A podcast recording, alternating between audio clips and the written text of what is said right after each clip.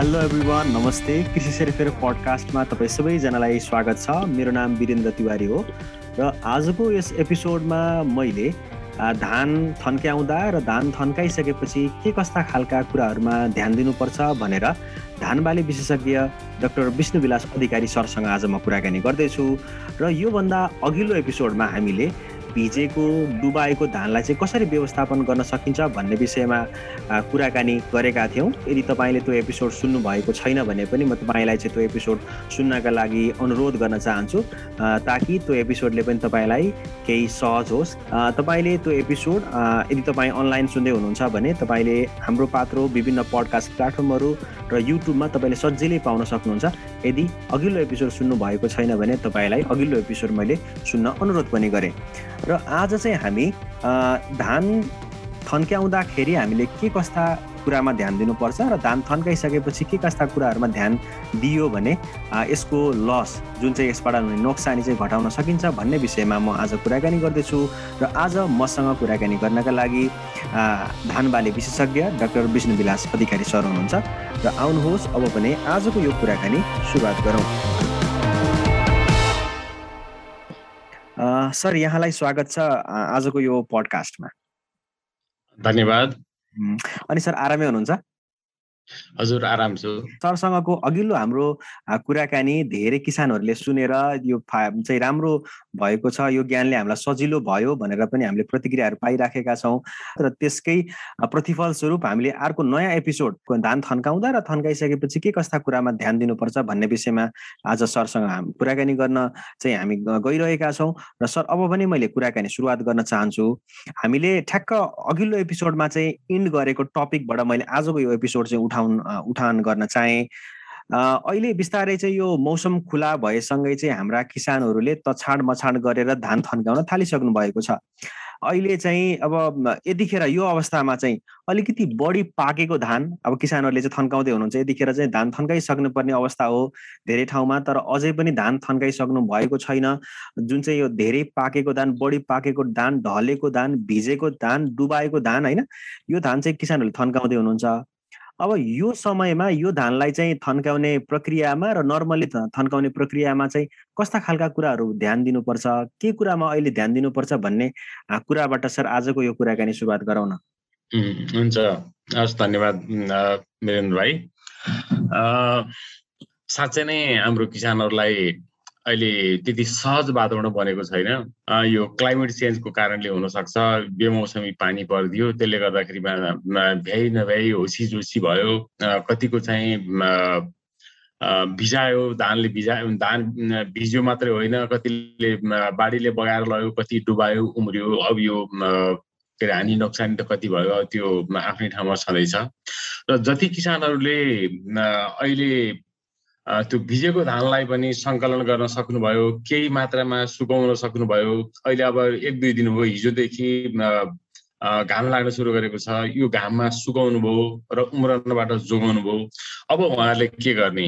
एउटा र दोस्रो जसले काट्नुभएकै थिएन नकाटेको धान काट्नलाई बितिसकेको छ ढिलो भइसकेको छ। पाक्न पर्नेभन्दा बढी पाकिसकेको अवस्था छ। अब त्यो धानलाई कसरी व्यवस्थापन गर्ने? हामी यी यी दुईटा कुराहरूलाई चाहिँ बढी जोड दिनुपर्छ होला भन्ने लाग्छ मलाई अहिलेको परिवेशमा।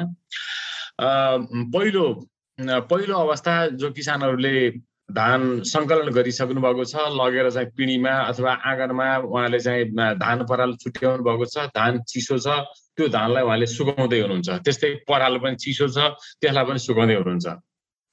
अनि त्यो अवस्थामा खास गरेर हामीले धानलाई चाहिँ धानलाई राम्रोसित सुकाउने राम्रोसँग सुकाउने भनेको के भने तपाईँले चलाउँदै सुकाउँदै चलाउँदै सुकाउँदै सकेसम्म पातलो बनाएर तपाईँले सुकाउनुहोस्।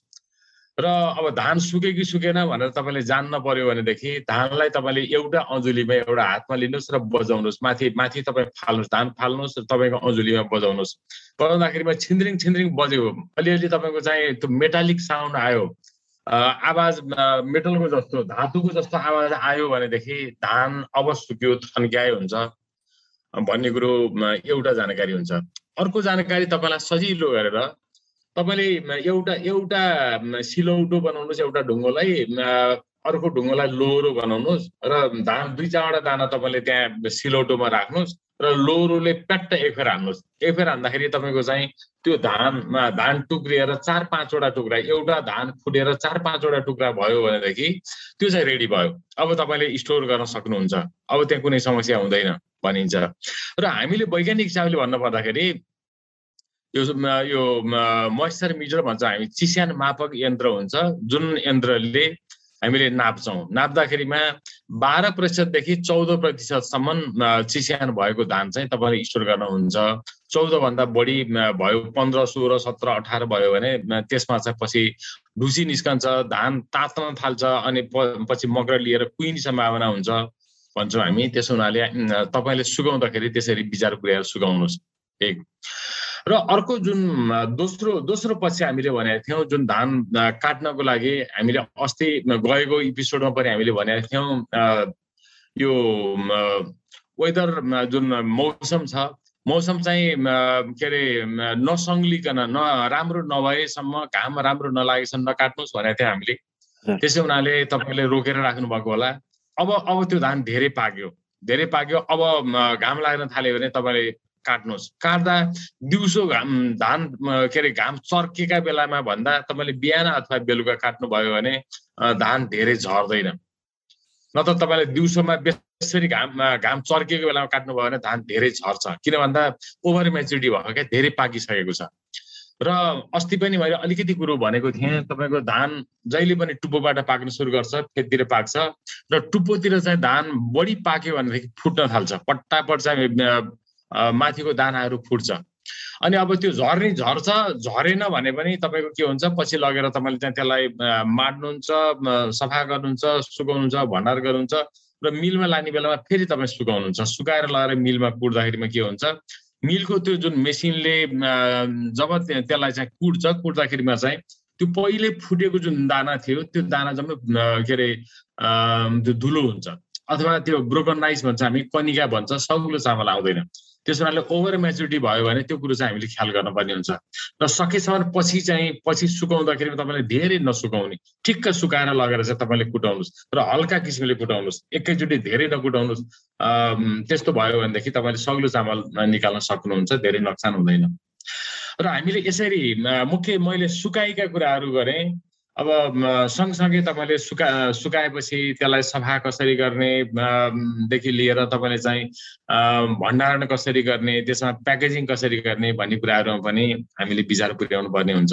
अहिले यति बेलालाई यति बेलालाई तपाईँले मुख्य ध्यान दिनुपर्ने कुराहरू चाहिँ धान सुकाइ कटाइ र सुकाइलाई चाहिँ ख्याल गर्नु होला एकदमै सर। र सरलाई मैले यही प्रश्नमा थोरै अर्को एउटा प्रश्न पनि जोड्न चाहेँ।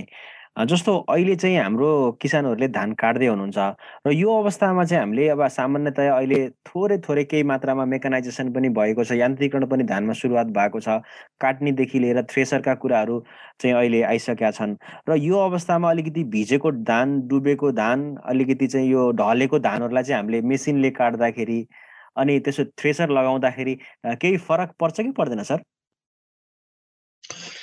फरक पर्छ। फरक पर्छ जस्तो अहिले भनौँ न अब हाम्रो उसमा पाहाडतिर पनि तल्लो तल्लो बेसी भाग जहाँ चाहिँ गाडी जान्छ त्यस्तो ठाउँ र अब तराई हाम्रो इनर तराई भन्छ हामी भित्री मधेस त्यो क्षेत्रमा अहिले धेरै जसो धेरै जसो मेसिनहरू चाहिँ प्रयोग हुन थालेको छ।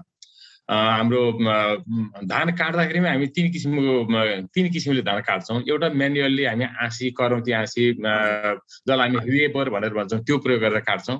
अर्को चाहिँ हामी काट्दाखेरि हामी त्यो आँसी करौतीले काट्ने काट्ने बित्तिकै अनि त्यसपछि मेसिनमा राखेर हामीले झार्ने जुन थ्रेसरहरू हुन्छ अथवा पेडल थ्रेसर पनि भन्छौँ खुट्टाले चलाउने मेसिन पनि हुन्छ।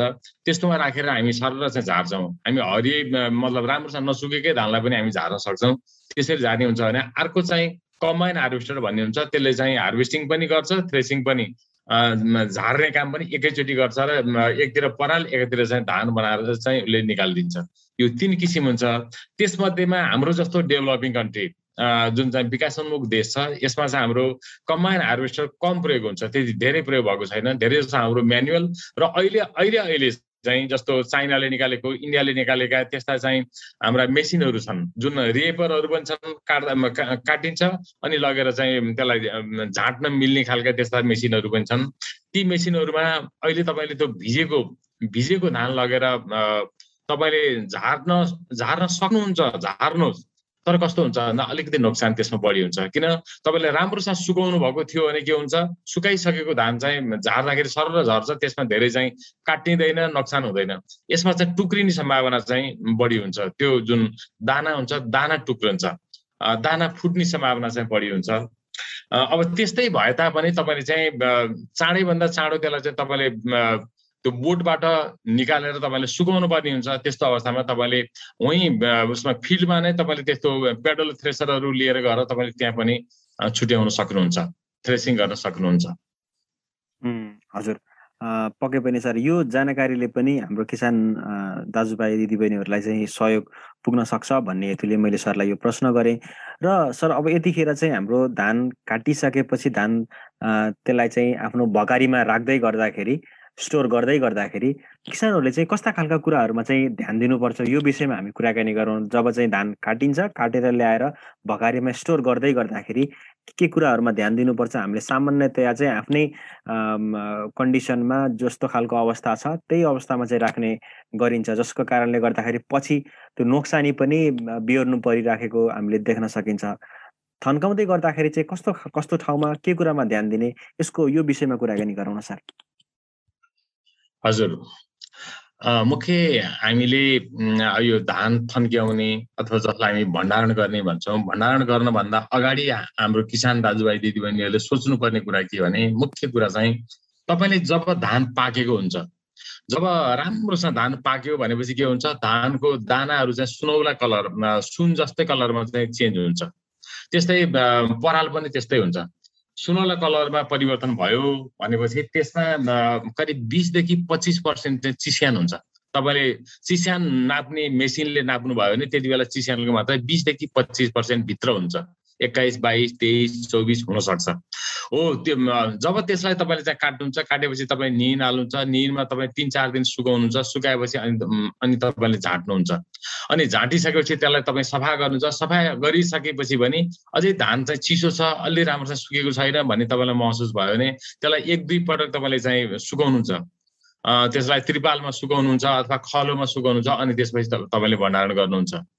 र अब यसमा तपाईँले यदि तपाईँले राम्रोसँग सुकाउनु भएको छैन त्यो राम्रोसँग सुकेको छैन भने के हुन्छ? त्यो नरम हुन्छ दाना नरम हुन्छ। त्यो नरम जहाँ चिस्यान बढी छ त्यस्तोलाई लगेर तपाईँले भण्डारण गर्नुभयो भनेदेखि चाँडै नै घुन पुत्लाको समस्या बढी हुन्छ एउटा। दोस्रो बढी नै चिस्यान छ भनेदेखि त्यो तात्छ। त्यसमा तातो निस्कन्छ। र त्यसमा चाहिँ फङ्गल ग्रोथ हुन्छ भन्छ। हामी खास गरेर ढुसी ढुसी निस्कन्छ त्यहाँ। ढुसी निस्किएपछि पुरै तात्छ कुहिन्छ मकर लिन्छ अनि पछि माटो जस्तै भइदिन्छ। भित्रभित्रै चाहिँ माटो जस्तै डल्ला डल्ला परेर चाहिँ धान जम्मै बिग्रन्छ। त्यस हुनाले हामीले र अब किसानहरूले के गर्नुहुन्छ भन्दा बेला बेलामा लौ न मेरो त घुन पुत्लाको एकदम समस्या भयो जोगाउनै सकिन के गर्न सकिन्छ? भनेर उहाँले भन्न पनि आउनुहुन्छ। वास्तवमा यसको मुख्य कारण भनेको चाहिँ राम्रोसँग नसुकेर हो। धानमा के हुन्छ भन्दा तपाईँले राम्रोसँग सुकाउनु भयो भने बाह्र बाह्र चौध पर्सेन्ट चिस्यान भएपछि तपाईँले भण्डारण गर्ने। भण्डारण गरिसकेपछि तपाईँको जुन भकारी हुन्छ तपाईँले हाम्रो खास गरेर गाउँघरमा चोयाको भकारीहरू प्रयोग गर्ने चलन छ अथवा कोठाहरू उसका गुन्द्रीका कोठाहरू बनाएर पनि राख्ने चलन छ। त्यस्तै कसैले मेटल बिनमा राख्नुहुन्छ अनि त्यस्तै त्यस्तै कसैले चाहिँ यसमा बोरामा बोरामा प्याक गरेर पनि राख्ने चलन छ। तपाईँले जे जसरी राखे तापनि धानलाई बाहिर ओपन हुने गरेर चाहिँ तपाईँले राख्नु हुँदैन। ओपन भनेको कस्तो भन्दा भगारीमा तपाईँले राख्नुभयो अनि भगारी खुलम खुला छ। खुलम खुला छ घाम चर्किएको बेलामा त घाम चर्कियो ठिकै छ। कहिलेकाहीँ बाहिर पानी परिदिन्छ। पानी परेपछि परेपछि के हुन्छ? हावामा पानीका बाफहरू बढेर आउँछ। अनि हावामा मोइस्चर चिस्यान बढी भएपछि के हुन्छ? धान ओसिन्छ। धानले चाहिँ त्यो चिसो तान्छ सोच्छ जसरी खुर्सानी चाहिँ अघिल्लो दिनमा झुरुम्म भएको चाहिँ खुर्सानी राति पानी पर्ने भयो भने के हुन्छ? भोलिपल्ट बिहान तपाईँले चाहिँ खुर्सानीलाई चलाउँदाखेरिमा चाहिँ तपाईँले तान्न पर्ने चिमट्न पर्ने हुन्छ झुरुम्म हुँदै हुँदैन। त्यो किन? भन्दा त्यो रातभरि उसले चाहिँ पानी सोच्यो तान्यो। हो त्यस्तै हुन्छ। यसलाई हामी हाइग्रोस्कोपिक नेचर भनेर भन्छौँ। जुन चाहिँ वायुमण्डलमा भएको जुन पानीको बाफ छ त्यो बाफ चाहिँ यसले तान्छ खिचेर लिन्छ। कहिलेसम्म खिच्छ भन्दा जबसम्म बराबर हुँदैन। वायुमण्डलमा भएको पानी र उसमा भएको पानी धानमा भएको पानी बराबर हुँदैन तबसम्म खिचिरहन्छ। त्यसो हुनाले त्यस्तो नहोस् भन्नको लागि हामीले भित्रको भित्रको हावा बाहिर बाहिरको हावा भित्र नहुने किसिमले हामीले हावा बन्द गरेर हामीले राख्नुपर्छ। यसरी हामीले राख्यौँ भने पहिला सुकाएर राखेको धान पछिसम्म पनि तपाईँको चाहिँ जस्ताको तस्तै रहिरहन्छ घुन पुतलीहरू चाहिँ केही पनि लाग्दैन। र तपाईँले त्यसमा पनि घुन पुतली पुतली लाग्छ कि भन्ने तपाईँलाई यदि आशंका हुन्छ भनेदेखि तपाईँले हावाबन्दी कोठा बनाउनुहोस् अनि त्यसमा अहिले धुवा आउने खालको विषादीहरू पाइन्छ। सेल्फस क्विकफस भन्ने चाहिँ त्यस्तो ट्याब्लेट ट्युबमा पाइन्छ। जुन चाहिँ एलुमिनियमको ट्युब हुन्छ एउटा ट्युबमा दसवटा ट्याब्लेट हुन्छ। त्यो दसवटा ट्याब्लेट मध्ये तपाईँले एउटा ट्याब्लेट प्रयोग गरिदिनु भने चार पाँच मुरी धानलाई सजिलोसँग त्यो एउटा ट्याब्लेटले काम दिन्छ। त्यसै गरेर तपाईँले त्यो सिरकको खोलमा च्यातिएका सिरका खोलका टालाहरू हुन्छन् त्यो टालामा तपाईँले चाहिँ एउटा एउटा ट्याब्लेट तपाईँले राखेर भगारीको विभिन्न ठाउँमा भित्रभित्र तपाईँले घुसारेर अनि माथिबाट चाहिँ सर्लक्क राममा प्लास्टिकले छोपिदिनु भयो भनेदेखि त्यहाँ भित्र छन् किराहरू गुणपुतलीहरू छन् भने तिनीहरूले चाहिँ सास फेर्न सक्दैनन्। तपाईँले त्यो जुन विषादी राख्नुहुन्छ त्यो राखेको चार मिनटमा त्यो फुट्छ प्याट्ट फुट्छ फुटेपछि त्यहाँबाट धुवा निस्कन्छ। त्यो धुवा चाहिँ ती घुनपुतलीहरूले चाहिँ सास फेर्छन्। सास फेरेपछि ती जाँछन् ती त्यहीँ मर्छन्। अनि अब यसरी तपाईँ चाहिँ राखिदिनु भयो भने के हुनसक्छ घुनुपुतली पुतलीबाट पनि तपाईँले जोगाउन सक्नुहुन्छ। र पछि त्यो धान तपाईँले सुकाउनुहुन्छ। चार छ घन्टा तपाईँले सुकाएर अनि त्यसपछि लगेर तपाईँ कुटेर खानुभयो भने तपाईँलाई पनि कुनै समस्या हुँदैन। त्यो उर्जा जान्छ। धुवा हो उर्जा जान्छ। त्यसको त्यस्तो असर हुँदैन। गाईबाट ढुडो पिठो पनि खुवाउन सकिन्छ। त्यसमा कुनै समस्या हुँदैन। तपाईँले यी कुराहरू चाहिँ विचार गर्नु पर्ला भन्ने लाग्छ मलाई। एकदमै सर। र सरले अहिले भन्नुभएकै कुराहरूमा जस्तो हाम्रो किसानहरूले स्थानीय तह तहमा पाइने खालका विभिन्न वनस्पतिहरू पनि प्रयोग गरेको पाइन्छ। घुन पुत पुत्ला नलागोस् पुतले नलागोस् भनेर निम तितेपाती जस्ता कुराहरू पनि प्रयोग गरेको पाइन्छ। यी कुराहरूले पनि केही कति कुन हदसम्म चाहिँ काम गर्छन् सर? सरले के भन्नुहुन्छ? काम गर्छन्। त्यसले पनि काम नगर्ने होइन। तर अब एकदम लार्ज स्केलमा ठुल्ठुलो स्केलमा हो भने अलिकति गाह्रो हुन्छ तपाईँले म्यानेज गर्न गाह्रो हुन्छ। सानसानो स्केलमा हो भने हुनसक्छ। जस्तो तपाईँले घ्याम्बामा राख्नुहुन्छ अथवा डालीमा राख्नुहुन्छ अथवा सानसाना भगाडीहरूमा राख्नुहुन्छ भने त्यस्तो त्यस्तो चिजहरू तपाईँले चाहिँ जस्तो बोजो हुनसक्छ अथवा निम पत्ता हुनसक्छ अथवा यसरी तितो टर्रो हुने चिजहरू। चिजहरू त्यसलाई चाहिँ काटेर त्यसलाई धुलो धुलो बनाएर त्यसलाई सुकाएर धुलो बनाएर त्यो धुलो चाहिँ तपाईँले चाहिँ त्यसमा मिक्सअप गरेर पनि राखिदिन सक्नुहुन्छ। जसले गर्दा के हुन्छ भन्दा त्यसले किरा मार्नलाई भन्दा पनि किरा भाग्छन्। त्यसले चाहिँ रिपेलेन्टको काम गर्छ। किरा भगाउने काम गर्छ किरा त्यहाँ लाग्दैन। त्यस्तो हुन्छ। अब त्योभन्दा बाहेक अहिले अहिले हामीले हाम्रो बजारमा पाउने भनेको यो इरी सुपर ब्याग भन्ने छ त्यही त यो अन्तर्राष्ट्रिय धानबाली अनुसन्धान प्रतिष्ठान भन्ने फिलिपिन्समा छ। त्यो इरीले यो भण्डारणको लागि उपयुक्त हुने भनेर एउटा नामाकरण गरेको छ। इरी सुपर ब्याग भनेर चाहिँ नामाकरण गरेको छ। सुपर ब्यागहरू सानादेखि ठुलासम्म हुन्छ। ठुला भनेका तपाईँको चाहिँ टनका टन राख्न मिल्ने पनि भने भनेको तपाईँको चाहिँ पचास क्विन्टल सय क्विन्टल पनि तपाईँले भण्डारण गर्न मिल्ने पनि त्यस्ता किसिमका ब्यागहरू पनि त्यहाँ बनाएको छ। जुन चाहिँ कम्युनिटी लेभलमा हामीले चाहिँ भण्डारण गर्न सक्छौँ अथवा बिउ उत्पादन गर्ने किसानहरूले लार्ज स्केलमा गर्न सक्नुहुन्छ। भने हाम्रो इन्डिभिजुअल फार्मर्सहरू जो चाहिँ एक एकजनाले गर्न पर्यो भनेदेखि उहाँहरूले यो करिब दुई अढाई सय रुपियाँ दाम पर्छ त्यसमा। हाम्रो नेपाली पैसा त्यति पैसा पर्छ। तपाईँले बजारमा किन्न पाउनुहुन्छ यसलाई तपाईँले सम्पर्क गर्नुभयो भने काठमाडौँमा त्यो चिज पाउन सकिन्छ त्यसलाई हामी मगाउन सकिन्छ त्यो समस्या छैन। र त्यो त्यो सुपर ब्याग भनेको चाहिँ कस्तो हुन्छ त? भन्दा त्यो हामीले बर्खामा घाँस काट्न जाँदा ओड्ने जुन प्लास्टिक हुन्छ देख्दा त्यस्तै हुन्छ। विभिन्न कलरको हुन्छ। र त्यो अलिकति बाक्लो हुन्छ। र त्यसमा तिन पत्र हुन्छ भनेर भनिन्छ। भन्दाखेरि हामीले खालि आँखाले हामी देखिँदैन। र त्यो चाहिँ पचास साठी किलो धान सजिलै जान सक्ने खालको हुन्छ। र त्यसमा तपाईँले चाहिँ उसमा जुटको बरामा यदि तपाईँ भण्डारण गर्नुहुन्छ भने पहिला त्यो त्यो राख्नुहोस् अनि त्यसमा भरेर अनि त्यसपछि जुटको बरामा राख्नुहोस्। र त्यसमा राख्दा के गर्नु पर्यो भने भित्रपट्टि जुन हावा हुन्छ त्यो हावालाई सल्लक्क बाहिर निकालेर फाल्ने धान मजाले खाँद्ने अनि खाँदेपछि त्यसलाई टपक्क पारेर चाहिँ त्यसलाई बाँधिदिने। बाँधेर अनि बाहिरपट्टि चाहिँ फेरि जुटको बराले बाँध्नु भयो भने के हुनसक्छ? आखिरी हाम्रो बोरामा बोरामा भण्डारण गरेको धानलाई पनि सास फेर्नुपर्छ। धानभित्र पनि त्यो इम्रियो भन्छ हामी जुन चाहिँ पछि उम्रने चिज हो त्यो त्यहाँ जीवात्मा हुन्छ। त्यसले त्यसले चाहिँ सास फेर्छ। त्यसलाई फेर्नलाई चाहिँ त्यहीँ भित्रको हावाले पुग्छ। र अनि बढी हावा त्यहाँ राख्नु हुँदैन। बढी हावा त्यहाँ भयो भने के हुन्छ? त्यहाँ किरा किराहरू घुनफुत्लाहरू चाहिँ लाग्छ। र त्यसले सास फेर्छ र त्यसले नोक्सान पार्छ भनेर हामीले त्यसलाई टपक्क पारेर कसेर बाँध्नुपर्छ भनेको कारण त्यो यसरी राखिदियो भने अरू हामीले विषादी पनि केही पनि राख्नु पर्दैन। त्यत्तिकै भण्डार गरेर राखिदिएपछि मुसाले पनि त्यसमा केही नोक्सान गर्दैन। किन भन्दा त्यो हावाबन्दी भएको हुनाले भित्रको हावा भित्रको बासना बाहिर आउँदैन। बाहिर नआएपछि मुसाले चाहिँ भित्र के राखेको छ भनेर उसले थाहै पाउँदैन र उसले केही पनि गर्दैन। त्यो मैले पनि अध्ययन अनुसन्धान गरेको छु। मसित त्यो खालको चाहिँ अनुभव पनि छ। मुसाले केही पनि गर्दैन। छुँदै छुँदैन मुसा प्रशस्त भएको घरमा पनि मैले यो परीक्षण नै गरेको छु। त्यसमा मुसाको समस्या हुँदैन।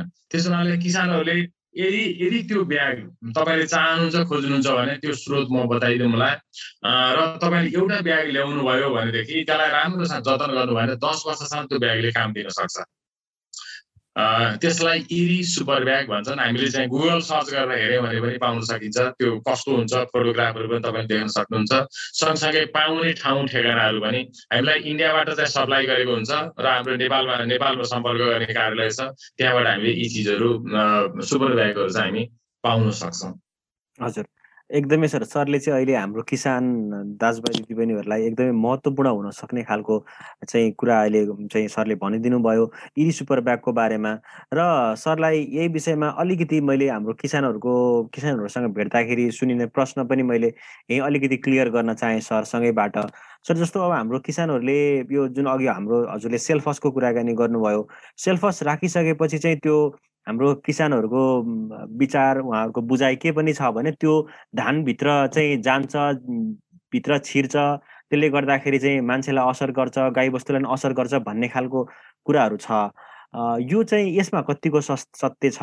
र त्यसलाई चाहिँ अब त्यो सेल्फस राखिसकेको त्यो विषादी राखिसकेको धान चाहिँ हामीले कति समयमा कुटाएर खान मिल्छ भन्ने खालको कुरामा सरले केही बताइदिनुहोस् न सर।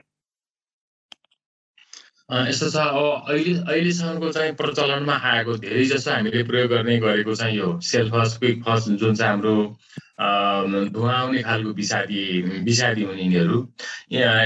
यसले के गर्छ? धुवा निकाल्छ। जब जब फुट्छ यो अक्सिजनको सम्पर्कमा आउँछ। चार मिनटमा प्याट्ट फुट्छ फुटेपछि त्यसबाट चाहिँ धुवा निस्कन्छ र त्यो धुवा चाहिँ खास गरेर चाहिँ सास फेर्ने जसले जसले सास फेर्छ सास फेर्ने चाहिँ मा मानौ तपाईँले चाहिँ राख्नुभयो तपाईँ चार पाँच मिनटभित्रमा तपाईँ काम सकेर बाहिर निस्के निस्कन भ्याउनु भएन ढोका लाउन भ्याउनु भएन भने भोलि तपाईँलाई पनि असर गर्न सक्छ। किरालाई मात्रै होइन त्यहाँ प्रयोग गर्ने मान्छेहरूलाई पनि असर गर्न सक्छ। यदि तपाईँले भण्डार गर्दाखेरिमा सुत्ने कोठामा चाहिँ तपाईँले राख्नुपर्छ त्यहाँ प्रयोग गर्नुभएको छ त्यो गलत हुन्छ। खाना खाने उसमा के अरे भान्सामा नजिकमा चाहिँ तपाईँको भगारी छ त्यहाँ प्रयोग गर्नुभयो त्यो गलत हुन्छ। त्यसलाई छुट्टै राख्नुपर्छ। पशु वस्तु बालबच्चाहरू आफ्नो सुत्रे बस्ने ठाउँ नभएको ठाउँमा जहाँ तपाईँले भण्डार गर्नुभएको छ र हावाबन्दी छ त्यहाँभित्र तपाईँले बन्द बन्द गर्नुभएको छ त्यहाँबाट हावा बाहिर निस्कँदैन। धुवा बाहिर निस्कँदैन। भनेदेखि त्यस्तो ठाउँमा तपाईँले प्रयोग गर्न सक्नुहुन्छ। र अब हाम्रो अहिलेसम्मको चाहिँ अध्ययन अनुसार यसलाई हामीले प्रयोग गरेपछि भनौँ न हामी एक डेढ महिना दुई महिना तिन महिना अथवा तपाईँले लामो समय पाँच छ महिनासम्म गर्नु पर्यो भनेदेखि तपाईँले यदि हावा एयर टाइट गर्नुभएको छ भने त्यही एउटै ट्याब्लेटले नै काम दिन्छ। होइन अब तपाईँले चाहिँ गोदाममा धेरै तपाईँले चाहिँ भण्डारण गर्नुभएको ठाउँमा टनका टन बिउ राख्नुभएको छ अथवा तपाईँले चाहिँ के अरे ठुलो गोदाम बनाएर तपाईँले चाहिँ टनका टन धान राख्नुभएको छ मकै गहुँ राख्नुभएको छ भने त्यस्तोमा हामीले चाहिँ पन्ध्र बिस दिन एक महिनाको फरकमा त्यहाँ यदि किरा किट पतङ्गहरू त्यहाँ देखिन थाल्यो स्टोरेज ग्रेन मोथहरू भन्छौँ हामी यदि त्यस्तो देखिन थाल्यो भने फेरि त्यसलाई चाहिँ रिपिट गरिदिने भन्ने हुन्छ किन भन्दा त्यहाँ टोटल्ली हामीले चाहिँ एउटा कोठामा राखे जस्तो एउटा घ्याम्पोमा राखे जस्तो सिडबिनमा राखे जस्तो हामीले एउटा गर्न सक्दैनौँ हावाबन्दी हुन सक्दैन त्यस्तो हुनाले हामीले चाहिँ त्यसलाई पटक पटक प्रयोग गर्नुपर्ने हो नत्र तपाईँले चाहिँ हावाबन्दी कोठामा छ भने धेरै पटक राख्नु पर्दैन। र त्यसले त्यस्तो असर त्यसले त्यस्तो असर गर्छ भन्ने कुरा पनि हामीले पाइएको छैन। त्यसलाई तपाईँले सुकाइदिनु भने चार छ घन्टा सुकाइदिएपछि त्यो उड्छ उडिसकेपछि। अनि अब त्यो धानको के हुन्छ धानको त बाहिरपट्टि खोस्टा हुन्छ खोस्टाले त्यसलाई कभर गरेको हुन्छ जुन चिज सुक्खा हुन्छ त्यहाँबाट भित्र चाहिँ भित्र जान्छ र त्यसले भित्र असर गर्छ भन्ने कुराहरू चाहिँ त्यति पाइएको छैन। यसलाई चार छ घन्टा तपाईँले सुकाइदिएपछि त्यो उड्छ अनि उडिसकेपछि तपाईँले कुट्न कुटेर खान मिल्छ चावल खान मिल्छ। अनि त्यसै गरेर पशु वस्तुलाई पनि ढुटो पिठो खुवाउनु मिल्छ भन्ने भन्ने कुराहरू चाहिँ पाइन्छ। एकदमै एकदमै। एकदमै सर यो यो जानकारीले पनि हाम्रो किसानहरूलाई सहयोग पक्कै पनि पुग्छ। र अब अलिकति कुराकानी गरौँ सर सामान्यतया हाम्रो किसानहरूले धान उत्पादन गरिसकेपछि राम्रा राम्रा बाला चाहिँ त्यो अर्को वर्षको लागि बिउको लागि भनेर चाहिँ छनौट गरेर पनि राख्ने चलन छ। अब अहिले चाहिँ यस्तो अवस्था आयो। अझै पनि हाम्रा किसानहरूले अब सकेसम्म त्यो खर्च जोगाउनका लागि पनि राम्रो बालाहरू चाहिँ छनौट गरेर राख्न सक्नुहुन्छ। अब यो अवस्थामा चाहिँ अब त्यो त्यो त्यो राखेर फेरि त्यही लगाइयो भने पछि नउम्रिन सक्ने सम्भावना पनि हुनसक्छ। अब हाम्रो किसानहरूलाई जसले चाहिँ यो यसरी चाहिँ आफ्नो प्रत्येक वर्षमा त्यहाँ आफूले सेलेक्सन गरेर छनौट गरेर राम्रा राम्रा बालाहरू चाहिँ राखेर लगाइराख्नु भएको थियो। उहाँहरूलाई हजुरले के भन्न चाहनुहुन्छ? के सल्लाह सुझाव दिन चाहनुहुन्छ सर? त्यही त अहिले अहिले जो हाम्रो किसान दाजुभाइ दिदीबहिनीहरूले नेपाल अधिराज्यबाट हेर्ने हो भने सय काडा सयकाडामा छयानब्बे प्रतिशत किसानहरूले चाहिँ उन्नत जातको धान लगाउनुहुन्छ। र जम्मा चार प्रतिशत मात्रै चार प्रतिशत मात्रै हाम्रो चाहिँ स्थानीय जातहरू छ अरू सबै छयानब्बे प्रतिशत चाहिँ उन्नत जातहरू छ। तर छयानब्बे प्रतिशत उन्नत जात भएर पनि हाम्रो हरेक वर्ष नयाँ बिउ किनेर लगाउने किसानहरू भनेको जम्मा सय काडा पन्ध्र मात्रै हुनुहुन्छ। भनेको सय काडा पचासी पचासी प्रतिशत किसानहरूले के गर्नुहुन्छ? हरेक वर्ष आफैले बिउ राख्नुहुन्छ आफैले राम्रा राम्रा बाला छनौट गर्नुहुन्छ अनि त्यसैलाई चाहिँ माडेर चाहिँ छुट्टै निभानी केलाउनी गरेर त्यसलाई छुट्टै राख्नुहुन्छ र अर्को वर्ष बिउमा प्रयोग गर्नुहुन्छ। त्यो उन्नत नै हो जात उन्नत हो। अघिल्लो वर्ष किनेर ल्याउनु भयो अनि एक वर्ष दुई वर्ष भने आफैले म्यानेज गरेर आफैले बिउ राख्नुहुन्छ अनि फेरि एक दुई वर्ष लगाएपछि फेरि नयाँ बिउ किन्न जानुहुन्छ। त्यस्तो प्रचलन छ। र अब त्यसमा त्यो नराम्रो एकदमै नराम्रो पनि म भन्दिनँ। सकेसम्म हामीले चाहिँ उन्नत जातको हरेक वर्ष नयाँ बिउहरू किनेर लगाउन सकियो भने किन हरेक वर्ष चाहिँ क्वालिटीको बिउ गुणस्तरको बिउ लाउन सकियो भनेदेखि त्यो राम्रो एक। र दोस्रो जो किसानहरूले आफैले प्रयोग गर्नुभएको छ भने पनि यो वर्ष जुन भिजेको धान छ भिजेको धानको चाहिँ बिउ नराख्नु होला। भिजेको धानको बिउ राख्नु हुँदैन। किन हुँदैन त? भन्दा हामीले जहिले पनि गुणस्तरको बिउ बनाउनुको लागि क्वालिटीको बिउ राम्रो उम्रने राम्रो गुणस्तरको बिउ तपाईँले प्रयोग गर्नुभयो भने पछि तपाईँको चाहिँ फल राम्रो लाग्छ। त्यसमा तपाईँको अहिले कुहिएको छ भने पछि के हुनसक्छ? त्यसको उमार शक्ति चाहिँ कम हुन्छ। अहिले भिजेको छ राम्रोसित भिजेको छ भने तपाईँको उमार शक्ति चाहिँ कम हुनसक्छ त्यो मग्रलिन सक्छ बिग्रन सक्छ एक। दोस्रो हामीले सामान्यतया हामी के भन्छ भन्दा बिउ धान हो भनेदेखि तपाईँले काटेपछि त्यसलाई सुकाउनुहोस् र तुरुन्तै झाँटिहाल्नुहोस् भन्छ। हामी कुनियो पनि न नलाउनुहोस् भन्छ हामी। कुनियो लायो लगायो भने पनि कुनियो मुठा बाँध्ने कुनियोमा राख्ने गरेपछि त्यसको गुणस्तर बिग्रन्छ। त्यसरी गर्नु हुँदैन त्यसलाई डाइरेक्ट चाहिँ तपाईँले झाँटिहाल्नुपर्छ भन्छ हामी। त्यसो भएर अहिलेको परिस्थिति परिवेशमा हाम्रो कन्ट्रोलभन्दा बेरै गइसकेको अवस्था छ। त्यस कारणले तपाईँले अर्को वर्षलाई चाहिँ तपाईँको त्यो जात त्यो बिउ त्यो धान तपाईँले प्रयोग नगर्नुहोस्। नयाँ धान ल्याएर चाहिँ तपाईँले प्रयोग गर्नुहोला। र सर अब भने हामी आजको यो पडकास्टको करिब करिब अन्तिममा पनि छौँ। र अन्तिममा चाहिँ सरलाई मैले जाँदा जाँदै यो मैले सरसँग के पनि प्रश्न गर्न चाहेँ भने नेपालको यो धान खेती उत्पादन कति उत्पादन हुन्छ भन्ने कुरा चाहिँ नेपालमा यो मनसुन कहिलेबाट सुरु हुन्छ कति पानी पर्छ भन्ने कुराले एकदमै निर्धारण गर्छ। किनकि हाम्रो देशको अधिकांश चाहिँ खेती गर्ने योग्य जमिन चाहिँ आकाशे पानीमा निर्भर छ। यो वर्ष चाहिँ समयमै पानी परिदियो। समयमै पानी पर्नेको कारणले गर्दा धेरै क्षेत्रमा धान खेती पनि धान लगाइयो उत्पादन राम्रो हुन सक्छ भन्ने खालको प्रक्षेपण गरिएको थियो। कृषि मन्त्रालय लगायत सम्बन्धित निकायहरूले राम यो वर्ष चाहिँ राम्रो धान उत्पादन हुन सक्छ भन्ने खालको प्रक्षेपण पनि गरिएको थियो। त्यस्ता खालका ठुला खालका रोगहरू पनि देखिएको थिएन। तर त्यही पानीले अहिले चाहिँ पानी यो काट्ने बेलामा धान थन्काउने बेलामा पानी परेको कारणले बेमौसमी पानी परेको कारणले गर्दाखेरि अब धान खेतीमा यो जुन यो वर्षको उत्पादन छ यसले गर्दाखेरि अब भाउ मङ्गिन सक्छ धान उत्पादन घट्न सक्छ भन्ने खालको कुराहरू पनि आइराखेको छ। सरलाई चाहिँ के लाग्छ? अझै पनि डेटाहरू चाहिँ आइसकेको छैन तर पनि यो पानीले गर्दाखेरि चाहिँ धानको उत्पादनमा कति प्रतिशत अथवा कसरी चाहिँ कतिको मात्रामा यसले चाहिँ असर गर्ला सर? के भन्नुहुन्छ? मतलब यो पानी नपरिदिँदा र पानी पर्दाखेरिमा केही न केही फरक त हुन्छ। किन अहिले पानी सामान्य पानी पर्न अहिले अहिलेको पानी बेमौसमी पानी र ठुलो पानी बाढी नै चल्यो डुबान नै भयो र अब अहिलेको भनौँ न यो प्रिलिमिनरी सुरुको अवस्थाको अहिले अध्ययन जुन चाहिँ नेपाल सरकारको चाहिँ अहिले संसारहरूमा के आइरहेको छ भन्दा हामीले करिब चाहिँ चौध लाख सत्तरी हजार हेक्टरमा हामीले धान खेती गर्छौँ। त्यसमा एक लाख अन्ठानब्बे हजार हेक्टरमा चाहिँ अहिले यो पानीले बिगाऱ्यो भन्ने कुराहरू चाहिँ आइराखेको छ। अब साँच्चै नै त्यसरी अब एक लाख अन्ठानब्बे हजार भनेको करिब दुई लाख जति भनौँ न चौध लाख सत्तरी हजारमा दुई लाख जति क्षेत्रफल मा यसले चाहिँ धान के अरे बिगारेको छ भनेदेखि त्यसले हामीलाई प्रत्यक्ष प्रभाव त पार्न सक्छ पार्दै पार्दैन भन्ने त होइन।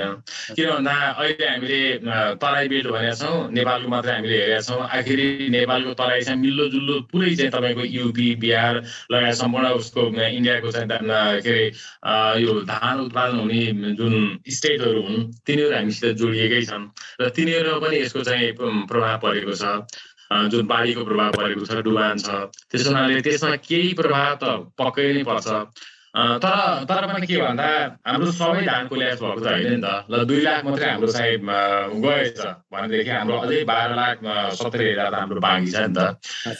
त्यसले गर्दाखेरि त्यति धेरै उथल पुथल नै आउला धेरै नै फरक पर्ला जस्तो लाग्दैन तर अब त्यसमा हामीले के भने त्यसलाई कम्पेन्सेट गर्नको लागि नेपाल सरकारले पनि अब अहिलेको चाहिँ जुन हिउँदे हिउँदे खेतीको कार्यक्रम छ हिउँदे खेती जस्तो गहुँ जौ आलु फापर तुरी अब यस्तो यसलाई चाहिँ अलिक प्रायोरिटी बेसिसमा अलिक धेरै खेती किन हाम्रो यो पछौटीसम्म पानी आएको हुनाले यो पानीले हामीलाई हिउँदे तरकारी हिउँदे खेती तरकारी लगायत अरू अन्नबालीलाई चाहिँ यसले सपोर्ट गर्न सक्छ।